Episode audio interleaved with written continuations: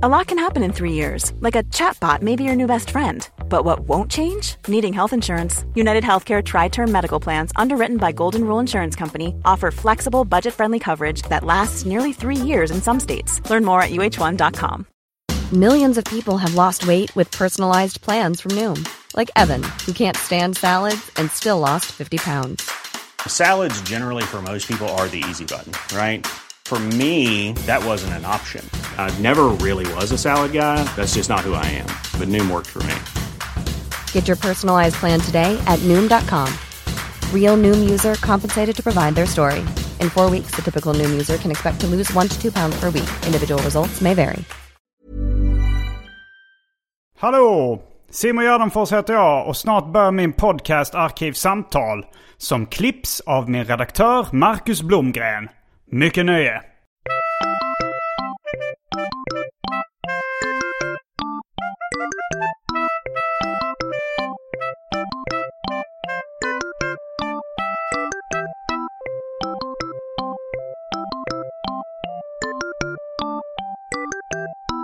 Hej och välkomna till Arkivsamtal. Jag heter Simon Gärdenfors och mitt emot mig sitter Essie Klingberg. Hallå. Hur är läget? Men det är bra. Hur är det med dig? Jo då, det är alla tiders. Ehm, hur brukar du presentera dig själv nu för tiden i sådana här sammanhang? Åh, jag vet inte. Ehm, journalist och kulturskribent, Mm. skulle jag säga. Mm. Och vilka tidningar eh, skriver du för? Eh, SvD, primärt. Mm. Är du Eh. anställd där nu? Ja, jag jobbar där nu, Okej. på kultursidan. Har du mycket kontakt med Adam Svanell? En del faktiskt. Vi är ju kollegor. Han jobbar Mm. Ja. mer med poddar.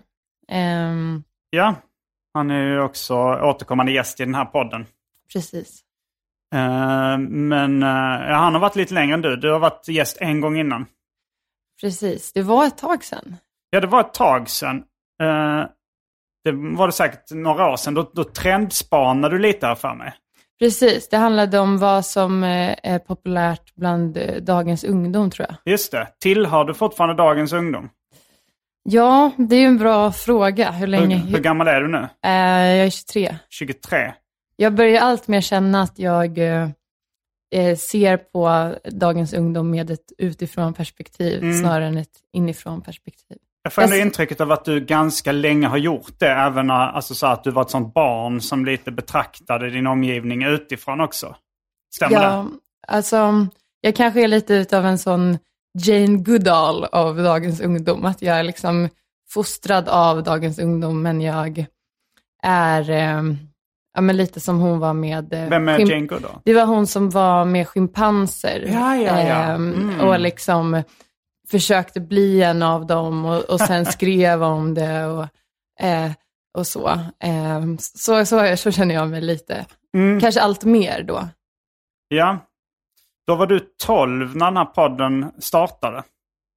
Det är, det är mycket möjligt Ja. att det var så. Men det var 11 år sedan. Så det... Var du en early eh, adopter? Ja, du började lyssna tidigt eller? Eh, nej, men jag frågade om du är det liksom, med poddmediumet. Ja, men det var jag väl hyfsat. Jag, eh, jag var en av de tidiga poddarna. Jag, Speciellt av de som fortfarande finns kvar. Mm. Just Ehm, det. Mm. Men idag så är det kanske lite liknande tema. Du fick välja eh, lite själv vad vi skulle prata om och du valde... Hur, hur, hur var det nu du formulerade? Eh, vartåt det barkar. Vartåt det barkar. Mm, det, är- det är en rolig eh, rubrik. Ja, men jag kände det, att det, det, det, det var en bra rubrik. Dels för att det är ett så bra uttryck, Mm. eh, som man kanske allt för sällan använder sig av. Nej, ja, nej det, jag har ju hört det flera gånger förr, men jag kan inte komma på i vilka sammanhang man brukar hö, eh, höra det. Alltså det är ofta i lite negativa sammanhang. Barkar Ja. låter inte så positivt. Det är ju lite utav en, liksom, det kanske ofta är en äldre person som, som säger det lite så oroande. Så, var, var, vartåt barkar det nu? Mm. Var, var barkar det hän? Kan man också säga. Ja, och så så här, eh, jag har även hört de säger så här, en idiot kan ju se åt vartåt det barkar. Mm. När man liksom, jag kanske har hört det i någon sån här eh, propaganda mot eh, narkotika eller något sånt i skolan. Det Mm. var någon som, som sa det om någon liksom, som knarkade då. Att eh, en Just det. idiot kan ju säga åt vilket håll det barkar Ja. för din del. Det är bra, det kan du använda i, eh, om du behöver rim någon gång. Så vart att det barkar och så rimma på knarkar. Just det. det. Det har jag faktiskt inte tänkt på. Nej, Men, men- eh, det låter som en väldigt sedelärande historia. Den, Lite så, eh, lite så Kalle Anka ja, ja, men då, det var väl uh, Arga snickaren. Nej, det var Malou von Sivert som skulle hjälpa Gricasso med texter. Alltså som skulle göra dem, dem lite mindre, eh, eller mer moraliska. Det, det skulle kunna tänka mig att hon kommer det förslaget också. Vem som helst kan ju se att du barkar så mycket så som du knarkar.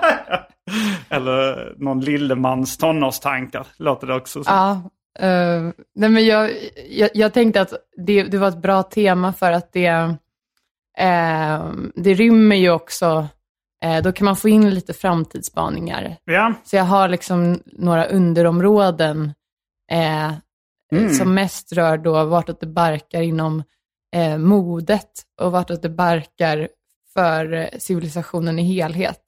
Så att det ska bli lite, okej, så mode är en rubrik och sen civilisationen i helhet är liksom resten. Ja, jag tänkte att det blev mest pedagogiskt så. Ja du, ehm, du gjorde lite modespaningar förra gången du var här. Jag vet inte om det var, var det ett eller två år sedan? Det var typ, eh, jag tror det var liksom precis när jag hade börjat på SvD, så kanske ett och ett halvt år sedan. Mm. Och då kommer jag ihåg att en av modespaningarna du hade, eller i alla fall vad du sa var poppis hos dagens ungdom nu, var att klä sig som en sexig clown. Det var, där fick jag ju verkligen rätt. Ja, Eh, det var mycket sexiga clowner. Ja jag, jag, jag tänkte faktiskt på det också när jag var i, eh, i USA och sådär och tog lite foton. Så här, fan, där hon går ju upp på scenen nu, någon ståuppkomiker och klär sig exakt som en sexig clown. Men är det, smart. är det fortfarande, är det still going strong eller har, har det börjat dö ut? Ja, alltså det är ju så med mode att det, det, det går, även om alla snackar om liksom fast fashion så är det ju som att de här långa linjerna, de kan ju, de kan ju verkligen vara eh, ganska sega. Alltså den här sexy clown-trenden känns som att den, den är lite seglivad. Man ser ju fortfarande mycket av de här färgglada västarna på kanske Ja. så personer födda eh, efter Irakkriget. Eh, jag vet inte. Eh, men eh, Ja, man kanske också ska, man kanske ska bredda det till eh, clown, inte bara sexig clown. Alltså jag har sett en Ja. del som inte, kanske inte ens anstränger sig för att försöka vara sexiga utan bara clown. clowndelen kom bort på, eller sexiga delen kom Ja, det- bort ja, på Mm. vägen. Ja, nej men jag, det, känns inte som att jag ser lika mycket sexiga clowner längre. Nej, Eh, jag, jag var ute och gick igår eh, för att liksom ta tempen på just, jag är ju bara intresserad av liksom massornas mode. Mm. Jag tycker det är ointressant med, liksom, jag, jag är ju inte intresserad av mode egentligen. Det är bara, det är mer kul som, eh, Mm. eh, att, att liksom känna av pulsen ibland eh, när man går i, i butiker. Mm. Eh, och sen kommer det upp ganska mycket på TikTok från liksom, där folk analyserar modevisningar, så då får jag ju det på den Mm. liksom intravenöst via algoritmerna, så får jag någon sorts trendspaningar. Mm. Det, Eh. frågan är hur mycket de här eh, modevisningarna har att göra med verklighetens folks mode. Eh, jag vet inte, det kanske du vet bättre. Alltså mer än vad man tror, tror jag. Mm. Eh, för nu, eh, jag, jag tycker att nästan allt som jag har sett, eh, allt som jag ser, det är liksom, jag, när jag ser det på, mode, på modevisningar, liksom, eh, då är det som att, då ser det katastrofalt ut. Eh, och så tänker man, det här kommer aldrig bli populärt bland eh, verklighetens folk. Men sen så dyker det upp i en sån lite mer eh, HM-ifierad version. Och eh, så har man liksom sakta men säkert via exponering vant sig vid det. Och så bara, ja, men det är ganska nice. Eh, Ja, just det. H&M's designers kollar säkert på de modevisningarna och låter sig inspireras. Och sen verklighetens folk kollar vad som finns på H&M just nu. Så de behöver inte gå den vägen själva. Circle of life. Mm. Vi ska prata mer åt var det barkar. Vartåt det barkar kanske man säger. Men eh, just nu så har det blivit dags för det omåttligt populära inslaget Välj drycken.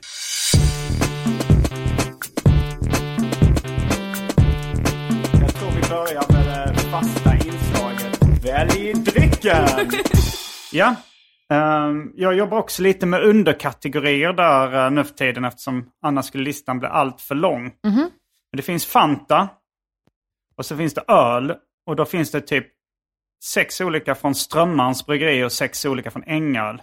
Plus folköl. Sen har vi GT, även känd som gin och tonic. Hawaii Gay Club. Sprit är en kategori. Likör är en kategori. Häxblandningen, det vill säga alla drycker som fanns i min kyl innan den genomgick en så kallad corporate rebranding. Och för tråkmånsar och nejsägare, vatten. Mm, mm. Ehm, nej men, ehm, jag, jag lutar åt uh, ölhållet. Ehm, kanske en enkel folköl. Ja, det finns uh, folköl av eh, märket Budweiser. Det blir toppen. Ja, själv så kommer jag ta Fanta Zero. Jag har just klivit av en tio dagars eh, period av öldrickande.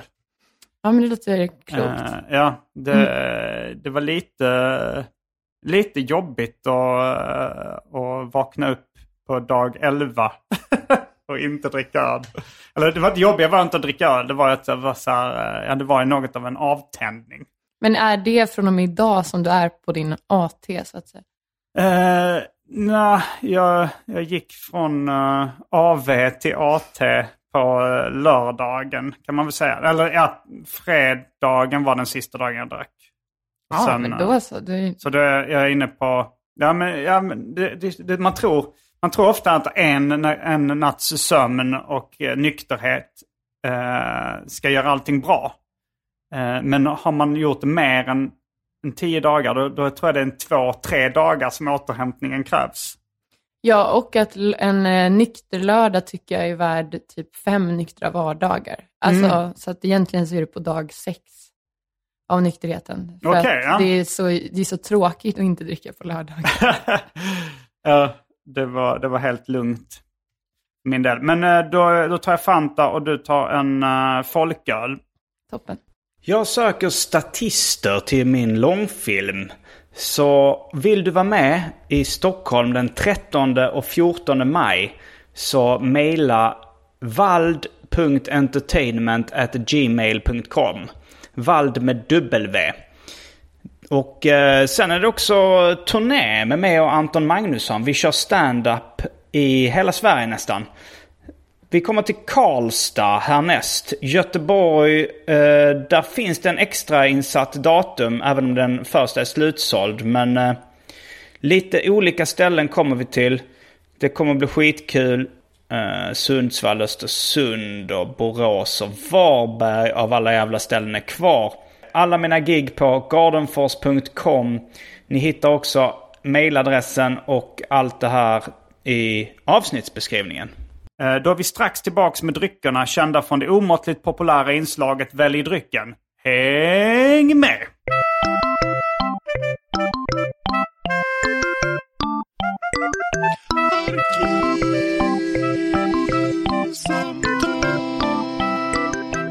Då är vi tillbaks med dryckerna kända från det omåttligt populära inslaget Välj drycken. Du fick just en Budweiser folköl och sa var generöst. Jag vet inte, det, så generöst var det väl inte? Den, var, den, den kändes eh, liksom stor, generöst. Så. Jaha, ett generöst tilltagande. Ja, det var En, inte en sån, en sån liten eh, mesig burk, utan Nej. det var en flaska. Det tyckte jag kändes generöst. Ja, okej. Mm. Hur, eh, vad gjorde du igår då, din lördag? Jag satt i en bil och, och eh, var bakfull och åkte hem från en turnéstopp.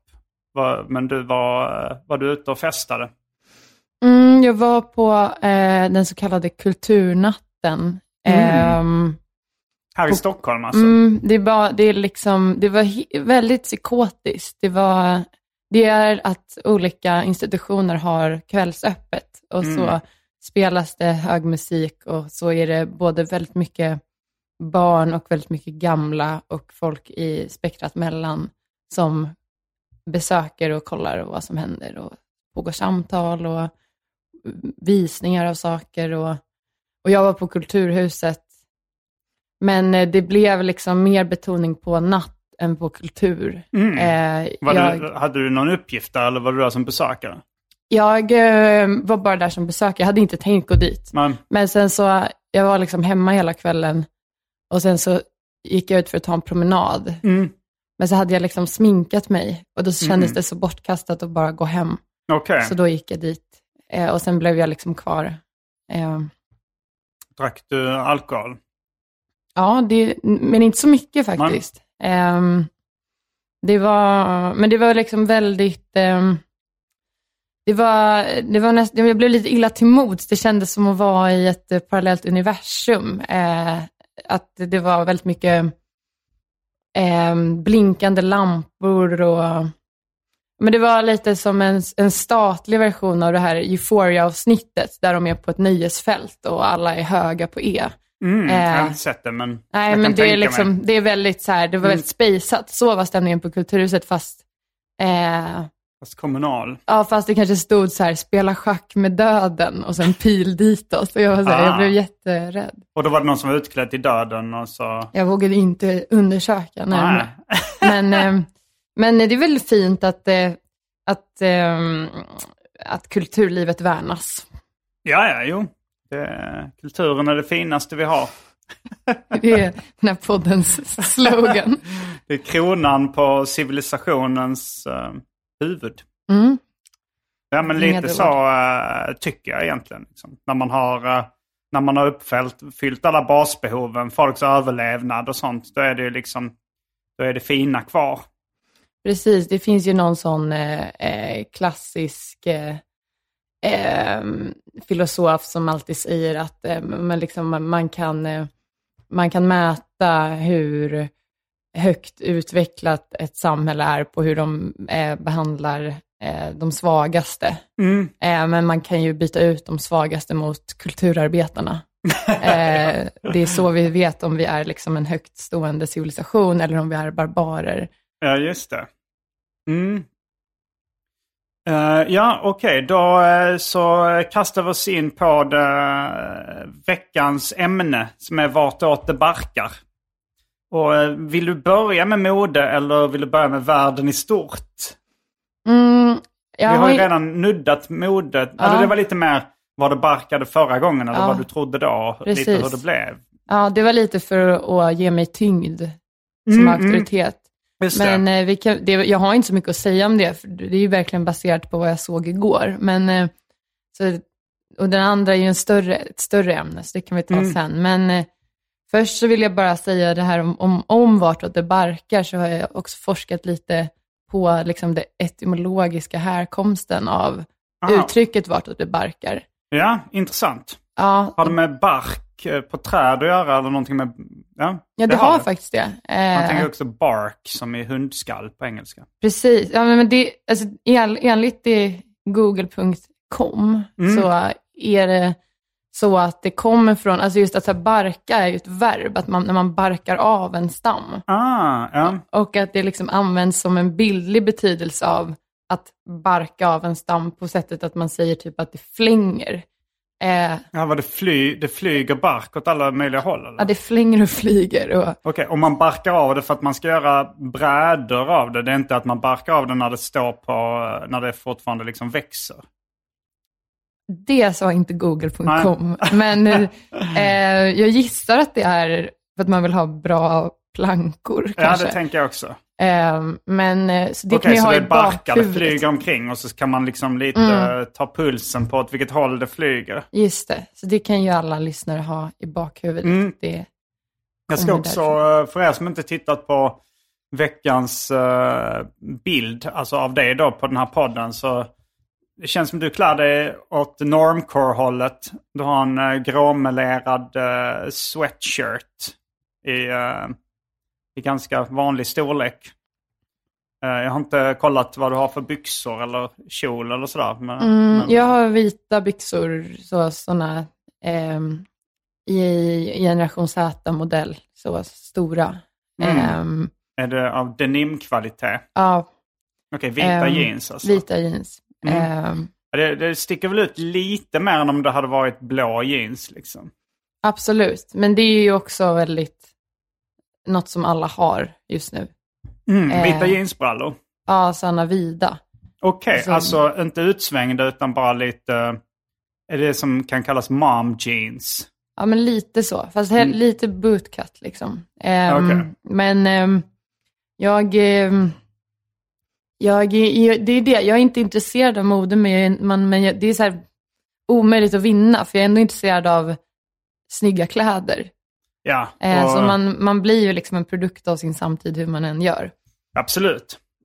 Och eh, normcore har ju varit rätt stort i din generation, skulle jag säga. Alltså ganska länge. Ja, verkligen. Men jag får ofta höra att jag har haft samma stil ehm, av folk som känt mig länge, väldigt länge.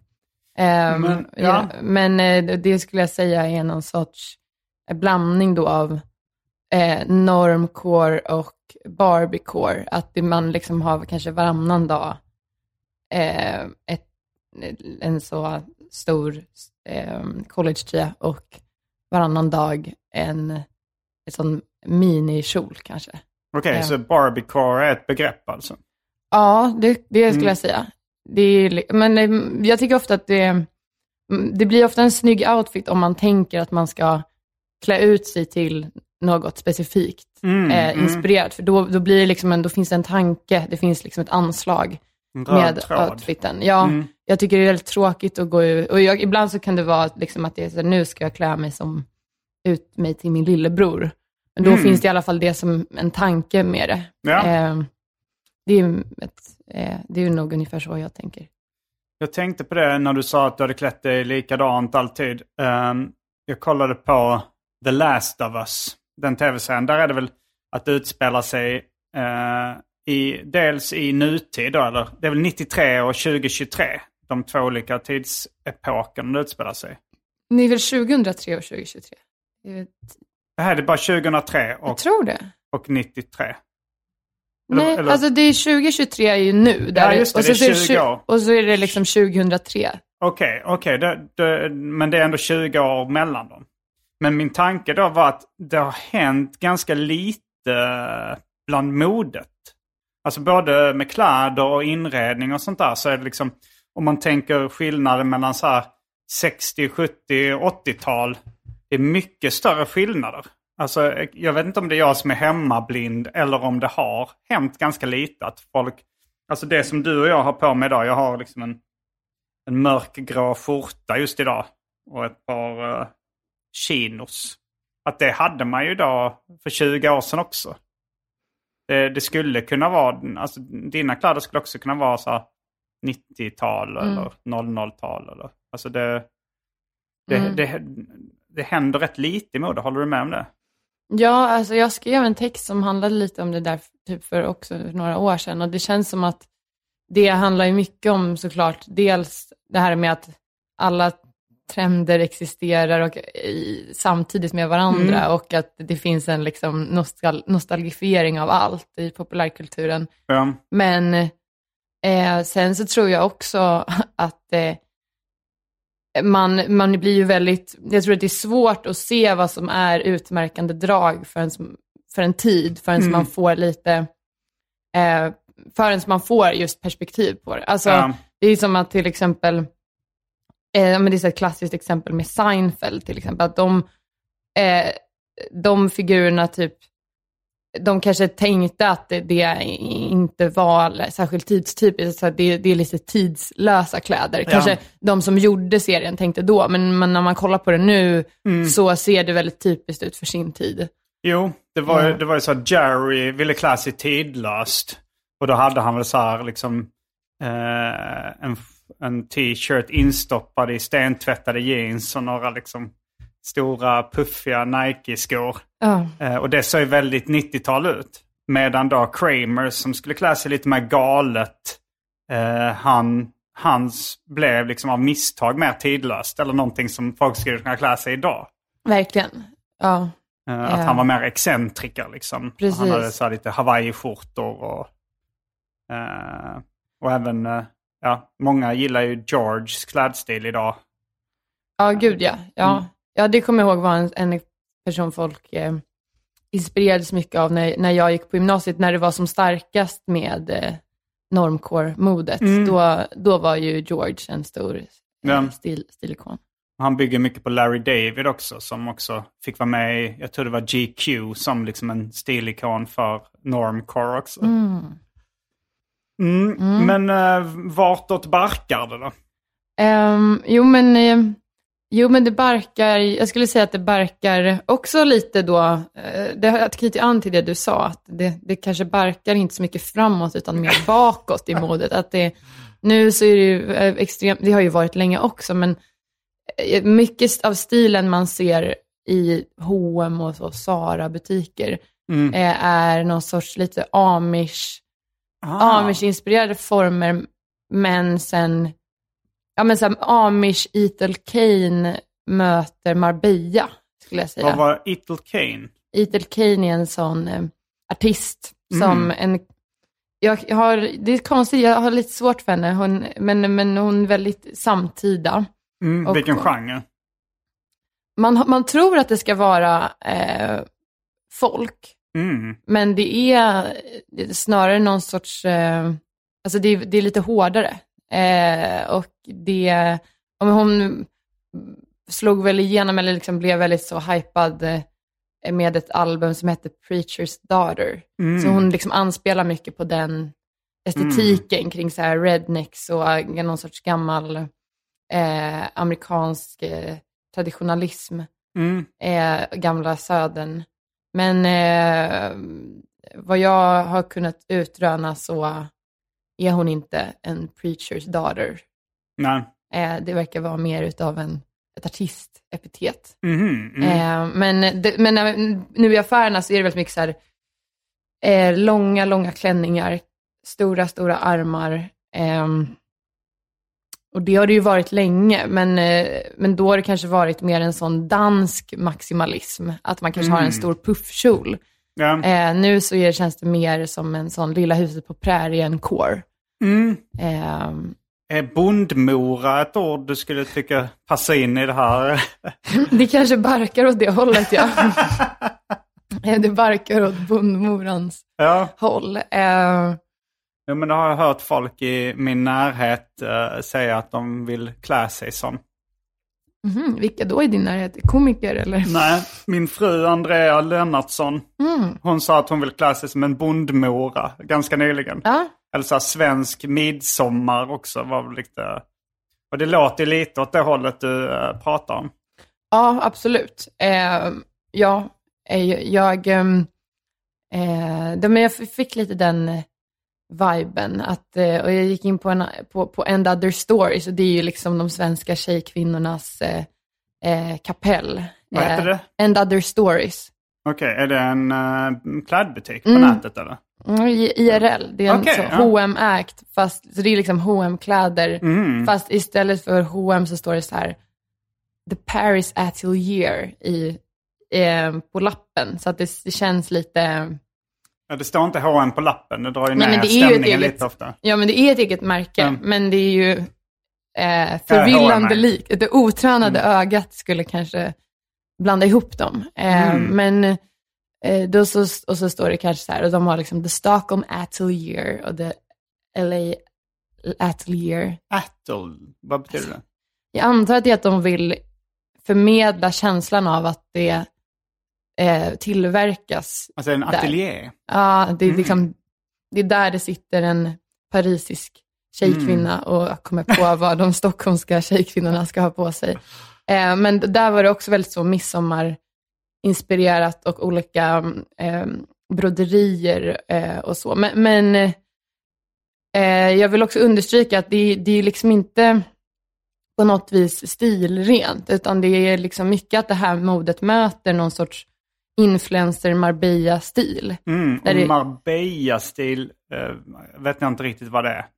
Men det är ju där eh, alla influencers har sitt, sin sommarlägenhet. Mm. Så de åker dit för att vlogga Ah, eh, ja. på sommaren. Bianca Ingrosso är en vän av Marbella. Varför är de där på sommaren? Alltså det är då är det ju fint väder i Sverige. Ja, det är väl för att alla andra influencers Mm. åker dit på sommaren. Det, har vi pratat om uttrycket tjejkvinna i den här podden tidigare? Nej, men det kan vi verkligen göra. Det är ett väldigt Ja, bra eller jag uttryck. läst dem lite på Twitter tror jag. Jag, jag eh, liksom gjorde ett inlägg i vad jag hörde det första gången. Och det var ju via Anarki till vardags, eh, Pekka och Haiku. Jag hade Mats Johansson som var med och grundade Acne Studios, eller Acne, företaget här, som gäst i podden också. Och de gjorde små sketcher med dockor på 90-talet tror jag det var. Och där, där hörde jag uttrycket tjejkvinna för första gången. Det är en som ska, man kan hitta det på YouTube. Det är väldigt roliga små humorklipp liksom. Eh, med, I svartvitt med olika dockor. Då är det en, eh, jag tror det är dockan eh, Haiku, eller Pekka, som då ska ha en dejt med en tjejkvinna. Och de ska äta ost i sängen. Ja, de är tokiga i ost, tjejkvinnor. vad, är, vad är din definition av en tjejkvinna? Ja, det är de som dyker upp om man råkar lämna osten framme. Då kommer de på mils avstånd.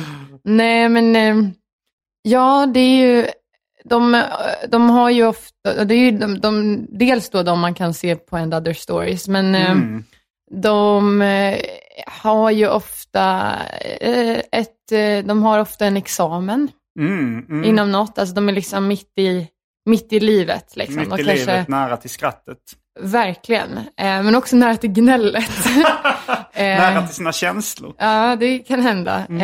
Eh, ja, men eh, och stilmässigt då så absolut kan de ha liksom så sneakers på vintern har de en sån lång, eh, en lång täckjacka som går hela vägen ner. Mhm. Eh. Det känns väldigt stockholmskt i mina Ja. ögon. Och kanske en sån uppvikt då mössa från Acne. Just det, de här eh, stora mössorna som jag först inte fattade. Det var, jag hade varit utomlands eh, bara en kort tid så kom jag tillbaka så hade alla Mm. sådana. Mm, var det traumatiskt?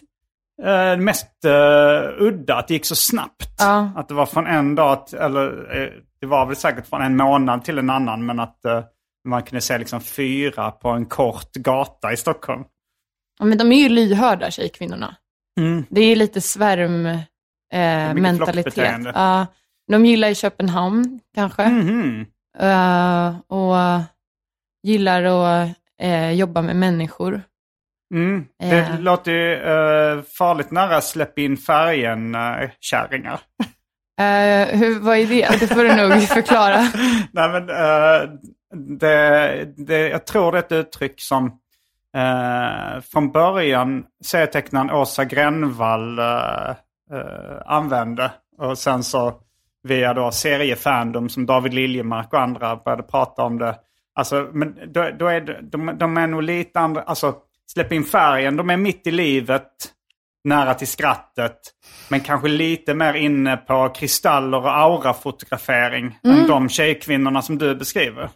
Men det kan också vara så att de tjejkvinnorna jag beskriver, de har ju verkligen tagit de här aura-fotograferingarna till sig. det, är ju, det kan jag tänka mig är liksom när tjejkvinnorna ska ordna möhippa, då bokar de tid hos den här spågumman i Gamla stan, typ, Ja. som alla influencers går till. Men det, Eh. det är väl kanske i inredning och mode de är ganska måna om att också släppa in färgen. Oh ja, Ja. ja verkligen. Och modet också. Mm. Ehm, ja. Ehm, nej men eh, det är väl tjej, på många sätt tjejkvinnorna som, jag skulle inte säga, eh, de, de, de är inte som att de ensamma by, bygger Sverige, men de, de är viktiga på sitt de är sätt. med. De är med. Ehm, nej men ehm, de har i alla fall på sig sådana här klänningar som jag beskrev och Many of us have those stubborn pounds that seem impossible to lose, no matter how good we eat or how hard we work out. My solution is PlushCare.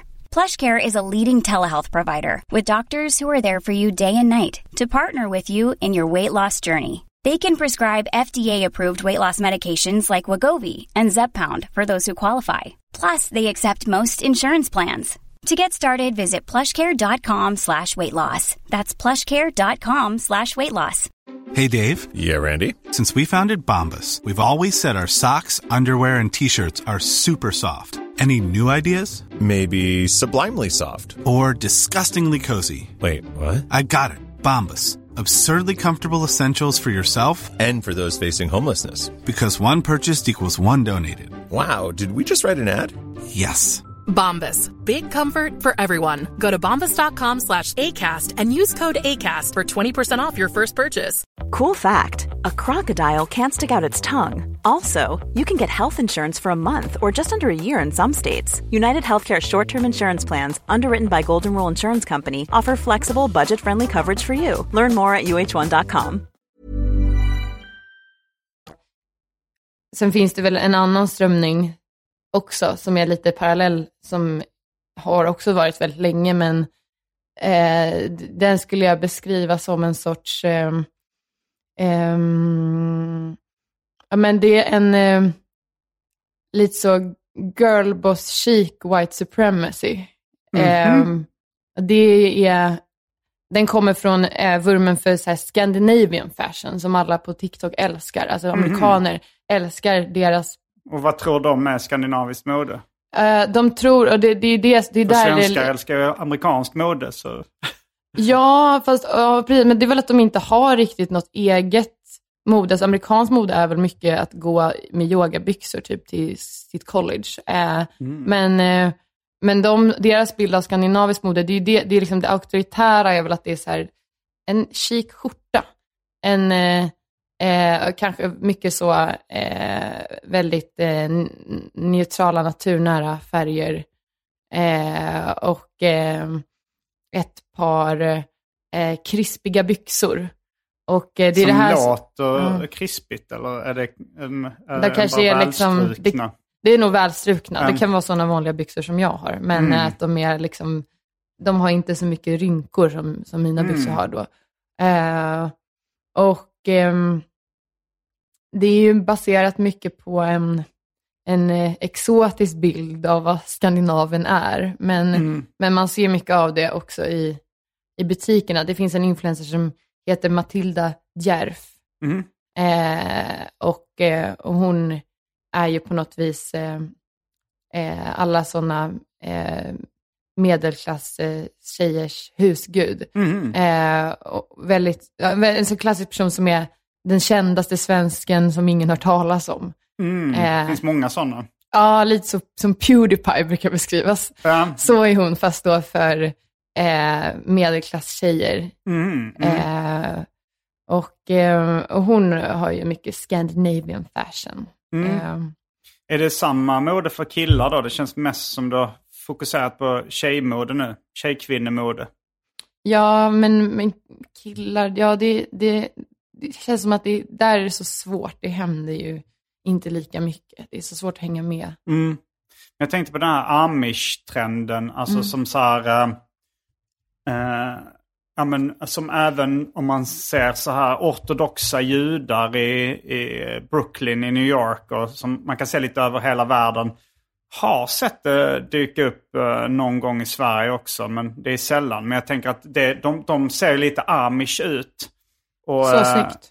Vad sa du? Så snyggt, tycker jag. Ja, det, det har sin charm tycker jag. Och jag, jag tänker, Rick Rubin har ju börjat klä sig rätt mycket så. Vem är det? Eh, han, han är ju rätt gammal. Han är en producent då som har producerat mycket till eh, hiphoppare men även eh, gamla gubbrockare och rockrävar. Så här. Eh, han har producerat eh, Jay-Z, jag tror han är med i den vid, videon till 99 Problems och mycket till Beastie Boys. Och han var eh, gäst hos Joe Rogan nyligen och sånt där. Men han har ju liksom stort skägg och, och så ser lite ut som en eh, så här, ortodox jude i mångt och mycket. Men kör han korkskruvlockarna? Det är ju Jag tror ändå nästa det. nivå. Ja, det, är näst, det är kanske nästa steg. Men det, då ser man ju rätt extrem ut. Om man, men amish ser lite ut så fast utan korkskruvslockarna ibland. Jag kommer inte ihåg vad de har för skäggväxt. Men det har ju varit, alltså så här stora skägg har ju varit trendigt ganska länge. Det, om, man- om man ska säga åt vart det barkar så ska jag nog gissa på att det är mer på väg åt det slätrakade i så fall. Om man tänker, för, för, för det har varit så mycket skägg så länge. Så. Just det, det är pojkens tidevarv på något vis. Är det så? Lite är så det ditåt det barkar? Pete Davidson-effekten. Mm. Att eh, alla vill vara ihop med ett stort barn. Mm. Kanske. Jättebebis. En jättebebis, jättebebisens tidevarv. Eh, Babybossen. New Yorks hottest thing is a Ja. baby boy. Eh, ja, nej men eh, så kanske det är. Ja, men, eh, men det är ju ofta så med, eh, med trender, det här when they zig, you zag. Om det har varit liksom Pete Davidson eh, och skägg. Ja, nu, nu, nu är det ju motsatser eftersom han har inte så mycket skägg. Men om, om det har varit det ena så brukar det ju barka åt andra hållet. Just det, mansmodets dialektik kan vi kalla det här ja. avsnittet. Eh, ja. Ja, nej, men så är det väl med de flesta eh, trender. Att när det har varit något ett tag så barkar det åt andra hållet. Ja, men jag hoppas att det snart då barkar bort från de här oformliga, eh, lite så barbapappa-klänningarna som är bland kvinnor. Jag tycker det ska vara eh, li, så lite kläder som möjligt. Det tror jag också är på gång. Det är väldigt avklätt på röda mattorna, men det, det tar väl ett tag innan det Men jag tror jag Innan- missat barbapappa-klänningarna. Nej, Alltså, men det är liksom, jag menar bara med de här formerna, att det bara är så här, att det bara pågår olika svall. Mm. Eh, Barbapappa, Barbapappa han, han, är väl, han är väl ganska mycket eh, en kurva bara på mitten om jag minns det rätt nu. Han är ju lite utav en blob, Ja, jo. får man ändå säga. Ja, nej, men det känns som att det är mycket den formen som har varit. Ja, Du har en klänning som ser ut som barbapappa. Ja, eh, jag såg också lite från Elgalan, det var lite Barbapappa-stämning där. Hos vissa, Mm. men de är ju också fina. jag vet inte vad man Behöver får, vad man får säga. säga i det här landet. Kändes En du inte är tyckte det var så fint med barbapappa-modet. Ja, nej men det finns väl en anledning till att jag inte är bjuden och Barbapappa blir bjuden. Mm. Eh, är det mer du har på mode eller ska vi gå över till eh, världen i allmänhet? jag tycker det är dags att ta oss an civilisationen. Ta nacksving på civilisationen. Mm. Ja, ehm, nej men det kändes som att så fort man säger vartåt det barkar så börjar alla tänka på AI. Ja, jo absolut. Eh, Det var också en av mina första tankar. Ja, vartåt det barkar. Mm. Ehm, men, och eh, det är ju egentligen liksom ganska ointressant att prata om AI, men jag eh, har väl, eh, som alla andra, alltså man kan ju inte undgås att läsa om vartåt det barkar med just är AI. jag tycker det är intressant, men det kanske är svårt att säga någonting originellt eller outtjatat. Verkligen. Um, nej men det, 100 procent. Mm. Så det enda jag har gjort är att kolla på några sådana scenarion på vartåt det barkar, så Mm. vill jag höra vad du tänker om det. Ja. Om du, liksom, vilken du mest ser fram emot. Mm. Och det är bara dystopier. Mhm. ja. Ehm, så allting handlar om olika sätt på vilka AI kan eh, bli vår undergång. Mm. Ehm, och, och jag, det känns som att det är ofta, jag, jag tycker att är mycket man läser kring AI så är det som att det stannar alltid på så här, nivån att folk beskriver att det finns så många risker, AI kan bli mänsklighetens undergång. Och så är det som att man har lite svårt att tänka så här exakt hur den ska gå tillväga. Ja, men man tänker ju som eh, Terminator, att maskinerna börjar bygga sig själva och sen tar över. Det är väl, det är väl ett scenario. Men, eh, Ja, precis. Verkligen. Eh, men det är som att det är, som att det är ett väldigt eh, allmänmänsklig tanke att man tänker så här, varför, kan vi inte bara dra ut sladden då? mm, till all el, Ja, eller till all AI. Eh, eh, ja. Min, eh, min eh, grundinställning åt vartåt det barkar, det är ungefär som folk säger om när man ska förutspå vädret. Att om man ska gissa hur vädret blir imorgon så är den bästa gissningen, eh, har det visat sig, är att gissa att det blir som idag. det är så Och, sant. ja, och om man, om man tänker så här, hur kommer modet bli nästa år så är det nog bästa gissningen ungefär som i år. så det. så jag, jag, jag gissar alltid på väldigt lite utveckling. Och då, det, det ju mig fel ibland, men för det mesta rätt. Men har du inte känt då nu liksom att nu hade, den här gången hade du fel? Alltså att nu Men när oj. det börjat gå lite fort nu liksom. Att, Jo, det, man, jo, jag har faktiskt märkt det nu att nu börjar det ta fart verkligen. Eh, det gick ganska snabbt. Alltså så här, eh, ja men från, nu är det april. Och jag tyckte att alltså, från och med jan januari i år så var det liksom AI, AI-nyheter varje dag i tidningarna. Eller på Oh, ja.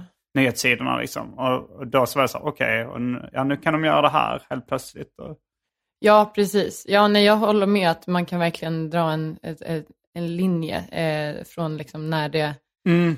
var som att det, så här, AI var ett sånt begrepp som man bara hörde i förbifarten hela tiden. Men, nu, Mm. men sen så, ja, att det har gått väldigt fort. Mm. Ehm, men det är så lätt att man, eh, man fastnar ju i de här scenarierna där liksom, det är som att alla beskriver sig, ja, men eh, AI kommer tids nog då ehm, inse att liksom, mänskligheten är överflödig och eh, ta koll på oss eh, med uppsåt så att säga. Mm. Eh, men det verkar ju som att det är mer troligt att det snarare är att vi kommer ge dem liksom, en instruktion som är eh, har liksom oavsiktliga konsekvenser. Att vi säger så här, jag vill ha hjälp med eh, det här, jag vill minska fattigdomen i världen och Mm. bara döda de alla fattiga. Eh, det, det kanske är mer något sånt man är orolig för. Ja, jo det, det låter... Ja, men det är så det kanske kan bli. Men, men sen är det väl också att den tekniska utvecklingen hittills har... Ja, den har i och för sig gjort att eh, det har blivit sämre med klimatet och sånt där. Det är ju kanske en oavsikt. Jag tänkte, jag tänkte först säga att, uh, att den tekniska utvecklingen mest har hjälpt människor på det stora hela.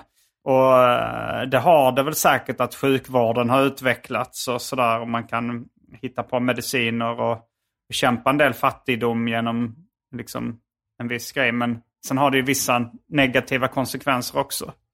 Just det, precis. Man, du hade inte valt då, vad hade du valt? Ett, ett, äh, att leva i ett samhälle, liksom det som du gör nu, eller Mm. ett helt utan eh, tekniskt framåtskridande? Nej, jag föredrar som det är nu. Då, alltså, eh, ja, hittills. Sen så, och, jag, och eftersom jag, jag är ganska så här, mina gissningar är att det kommer nog vara ganska likt dagens samhälle även om 10 år och kanske även om 20 år. Så, eh, men det, det är ganska svårt att se, alltså som, det var, det var en kompis som hade, som hade studerat eller läst någonting om liksom hur science fiction var förr. Alltså vad, eh, vad de förutspådde skulle hända. Och eh, det var ju ingen som hade förutspått internet. Var det inte det? Nej, kanske Nej, inte. det var, det, var, det var nog för abstrakt. Liksom. Mm. Man, kunde, man kan inte riktigt se internet. Mm, Nej, just det. Och, the eh, web. jag tror att... Uh, I och för sig, eh, ja, men AI har ju folk kunnat förutspå länge. Men det, är- det är ändå intressant att en av de största eh, utvecklingarna, eller det som har hänt, en av de största förändringarna på senare tid, det var ingen som kunde förutspå det. Ja, nej, men det är ju det man, eh, man känner väldigt mycket när man läser Mm. de här olika framtidsscenarierna. Att så här, antagligen eftersom att du har tänkt ut just det här så kommer det vara något helt annat som händer. Mm.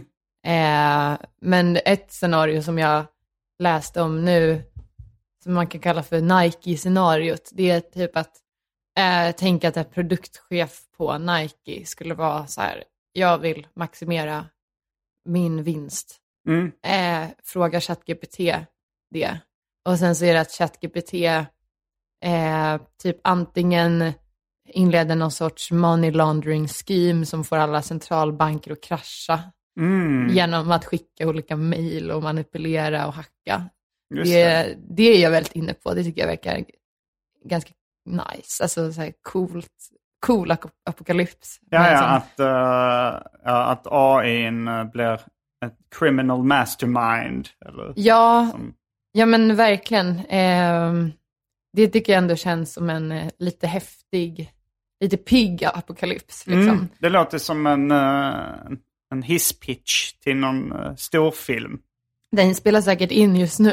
Eh, men sen så kan det ju också vara typ, ja att då en eh, Nike, eh, den här Nike AIn börjar eh, liksom eh, skjuta och mörda alla Rebook-användare. Mm. Eh, och liksom deras konsumenter måste dö.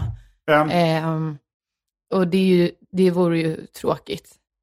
Har du sett den eh, filmen Air som handlar om Nike? Och Nej, jag har inte Jordan? det. Ehm, har du sett den? Ja, jag såg den. eh, Den var väl så här, ganska, ganska underhållande. Speciellt om man har, är lite intresserad av gympadojor. Men, men det var ju ganska konstig dramaturgi i det. För det är så här, att man, man vet ju att eh, Jordan-skon kommer bli en stor succé. Och man vet att Nike kommer vara inblandade. Så det var så här, nu ska vi försöka få det här mötet till, eh, med Jordan, med, med Michael Jordan. Och jag, jag, jag frågade Andrea så här, tror du att de kommer få ett möte? Tror du de kommer lyckas? För det var ändå upplägget att det var så spännande. Ja. Ska de lyckas? De kämpar, de kämpar. Ja, där fick de mötet. Men de lyckades ändå få det rätt underhållande.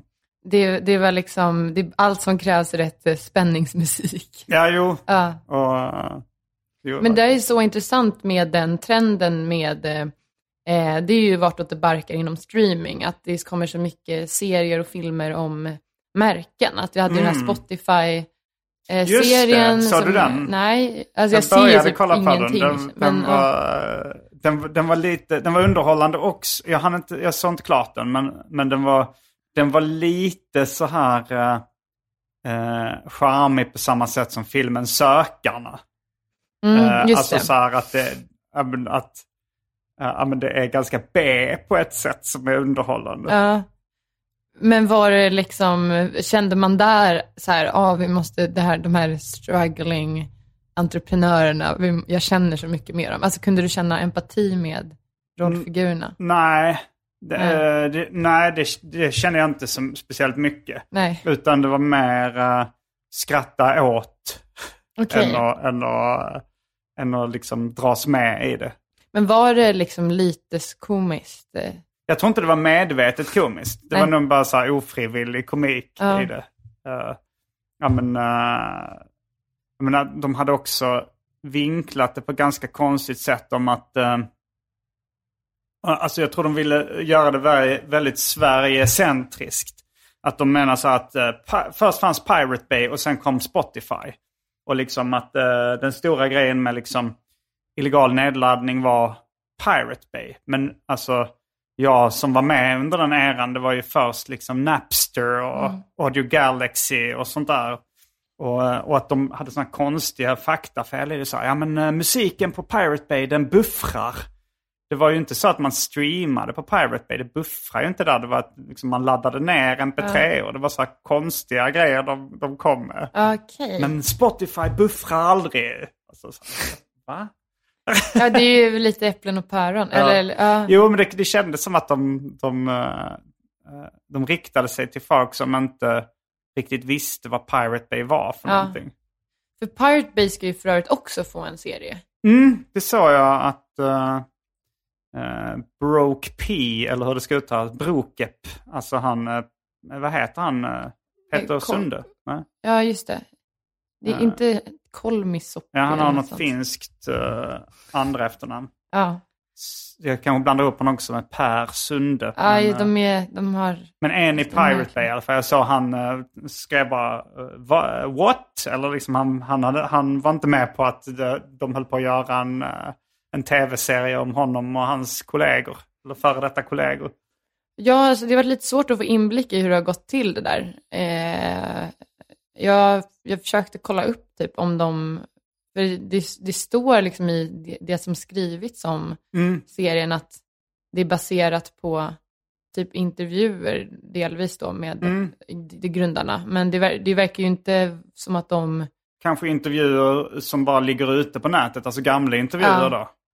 Eh, och inte, eller så är det bara då Peter som inte Just har det. blivit eh, informerad. Ja, nej men eh, det känns ju lite Ja. samma låda just att... Eh, Ja, men jag tycker det är så konstigt det här med Alltså för att man måste ha folks godkännande tycker jag. När jag håller på med film och sånt så är det väldigt mycket här, du måste ha det godkännandet och så här. Men sen kommer det sådana ser- tv-serier som liksom Pamela och Tommy. Där de verkar inte alls vilja att, alltså Pamela Anderson och Tommy Lee verkar inte alls vilja att någon ska göra en tv-serie om dem. Och sen bara kommer det en sån liksom som har deras namn och eh, utseende som liknar det.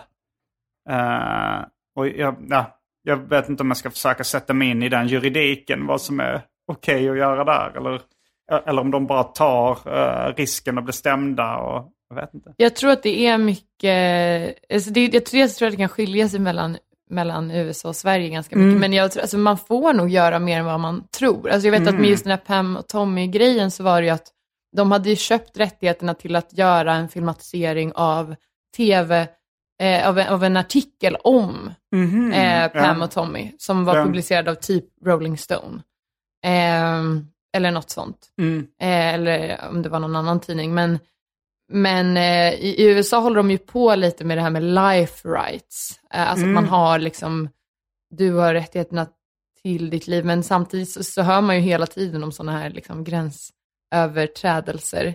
I Sverige tror jag att man, det handlar mycket om att bara att folk vill liksom eh, folk vill inte få dålig karma. Alltså att, att du, du vill ha folks medgivande. Mm. Men om du inte kan få det så finns det ju alltid vägar runt det. Det kommer jag ihåg när jag jobbade kort på ett produktionsbolag. Då var det liksom att man var tvungen att liksom samla in ehm, men så här, jag, m- vi hade samlat in så här medgivande vi hade liksom medgivande formulär typ när vi gjorde en dokumentär eh, som ja, men att folk fick fylla i sig, jag är okej med det här, men om de inte fyllde i det så var vi bara så här, okej, fuck you. Alltså, det, var så, här, det, det var ju bara liksom för att vara snälla.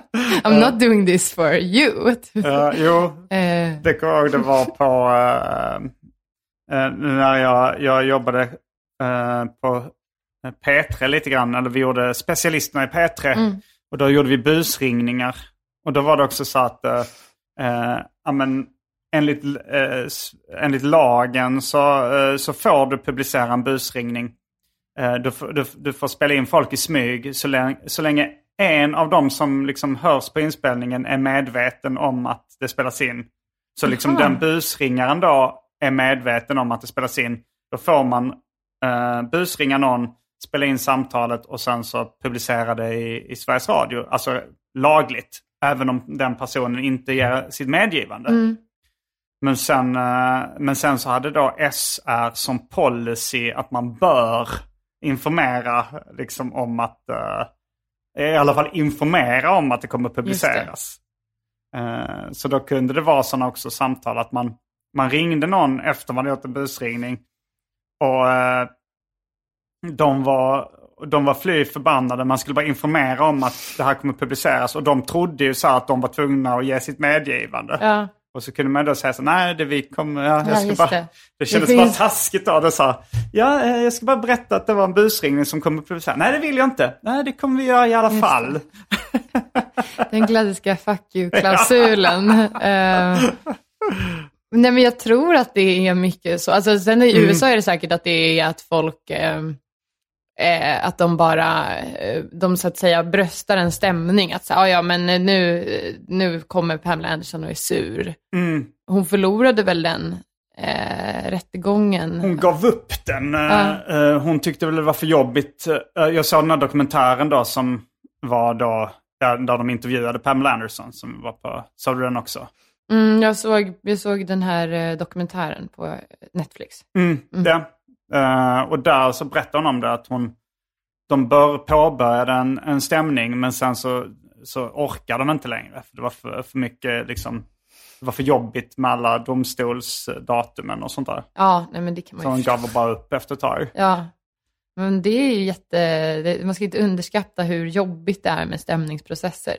Nej, det, det kan, jag, kan jag tänka mig om man liksom går långt med det. Ja. Men, eh, nej, men det, är- det är också olika i huruvida det är för kommersiellt. I Sverige är det så om det är för kommersiellt syfte så är det en annan, annat regelverk. Mhm. Eh, så det kan ju vara som ett public service då.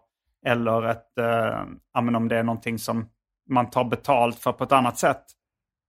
För att eh, jag kommer ihåg det var, det var en politisk poster som jag tror det var Ung Vänster som gjorde en posterkampanj där de, eh, där de hade foton på liksom eh, rika ungdomar. Eller det var i alla fall en, eh, en, eh, man då i, i smoking kanske. Mm. Och en, tjej som så i någon kl- balklänning typ.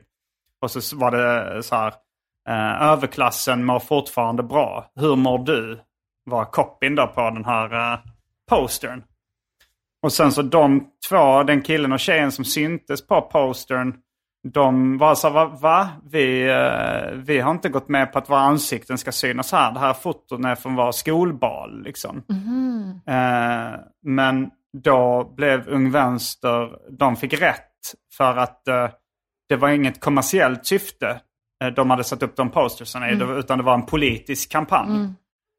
Uh, så det, ja, det är en djungel det här. Det Ja, nej men eh, det är tur att vi... Immateriell rätt-podden. Ja, på- på- välkomna. Välkomna till eh, den riktiga djungeln av life rights. Men eh, ja, om jag, ändå ska liksom bara spekulera, så eh, det, jag har också hört någonstans att, eh, men att det, det, i alla fall att i USA finns det liksom på något vis reglerat att du inte kan eh, tjäna pengar, alltså du kan liksom inte sälja dina life rights om du typ mördat massa människor. Alltså så här, Jeffrey Dahmer kunde inte casha in på att de gjorde Jeffrey Dahmer på Netflix. Eh, Nej. liksom rent hypotetiskt hade han inte kunnat göra det. Eh, jag, jag vet inte om det stämmer, det kan du eh, Du kliva måste, ha, du måste vara eh, en moraliskt korrekt person för att kunna sälja dina life Samtidigt rights. så Anna Delvey som eh, den här Netflix-bedragerskan, Mm, hon, det har ju tjänat på. massa pengar på Ja. det. Hon är ju en sån känd hustler. Så jag, jag, jag fattar fan inte riktigt. Hon det- satt väl också i finkan så. Ja, just det. Om du har suttit i fängelse så... Så får du inte tjäna pengar på ditt liv. Ja, ehm, Mm. det är säkert, allt det här är säkert fel, men ingen behöver skriva det till mig. Eh, jag kan googla själv. Ja, nej men eh, ja, jag skulle gärna vilja ha lite guidning i den djungeln vad det Ja. gäller uh, immateriella rättigheter. Ja, Eh, men, nej, men det är ju väldigt intressant med och också, jag har hållit på med självbiografiska serier och sånt där. Hur, liksom, hur mycket får man, eh, hur mycket får man använda sig av någon annans liv? Eh, och det, det är spännande. För det, det är också så att det kan vara någon som skriver en, eh, men det var väl också den här Monroe-filmen. Då var det ju baserad på en bok mm. som också var lite fiktionaliserad. Och, och, ja, och då får jag anta att den pe- personen får pengar som har skrivit om hennes liv då. Liksom. Precis. Joyce Carol Oates. Ja, så var det. Eh, ja, nej, men det finns ju någon sorts liten brygga till just det här med AI, med alla de här AI-rösterna. Mm, just Alltså, det. eh, alla det låtar. Gått, ja, det har gått snabbt. Jag hörde liksom nya så mm, Biggie-rap. eh, Biggie Smalls då på liksom. Det, det, lät, det lät ju som att han rappar nu liksom på olika... Ja, men jag älskar dem. Jag tycker de Ja. är så bra. Jag har också, jag har liksom lyssnat på jättemycket AI Kanye. Alltså Mm. alla, alla låtar med AI Kanye är så bra. Mm. Eh, och eh, just eftersom att det är AI Kanye så behöver man inte heller vara, ha dåligt samvete för att han är antisemit. för det är ju bara liksom, AI Kanye kanske inte är antisemit. Han är helt Nej. opartisk. Nu har han ju svängt igen efter han sa 21 Jump Street-filmen. Fan, ja, just nu gillar det. han judar Ja. igen.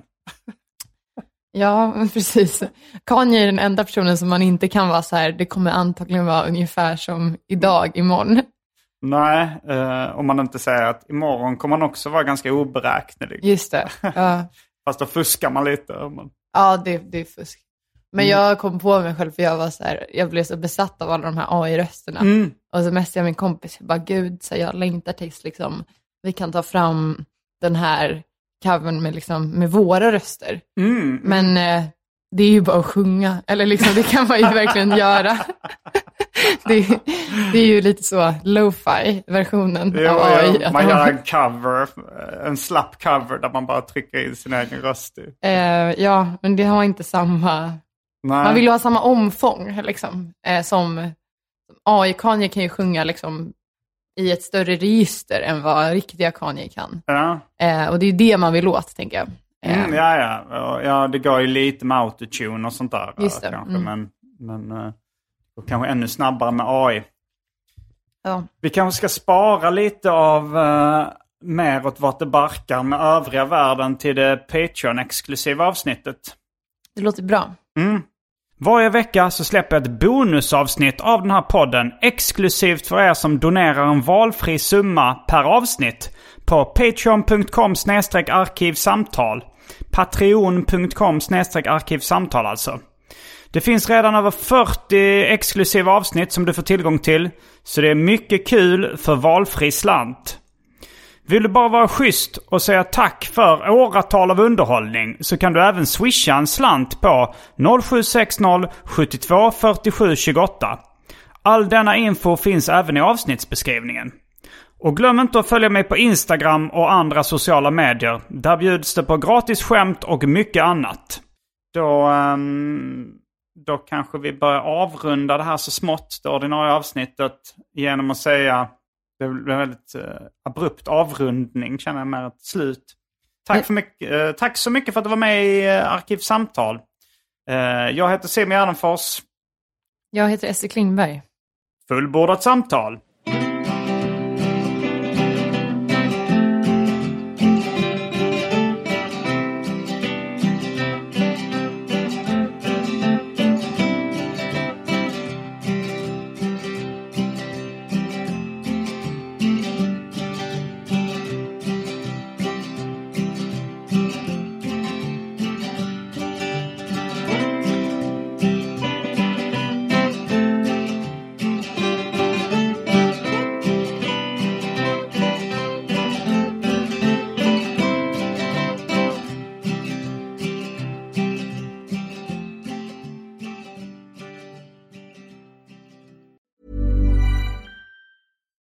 We're on a budget, we still deserve nice things.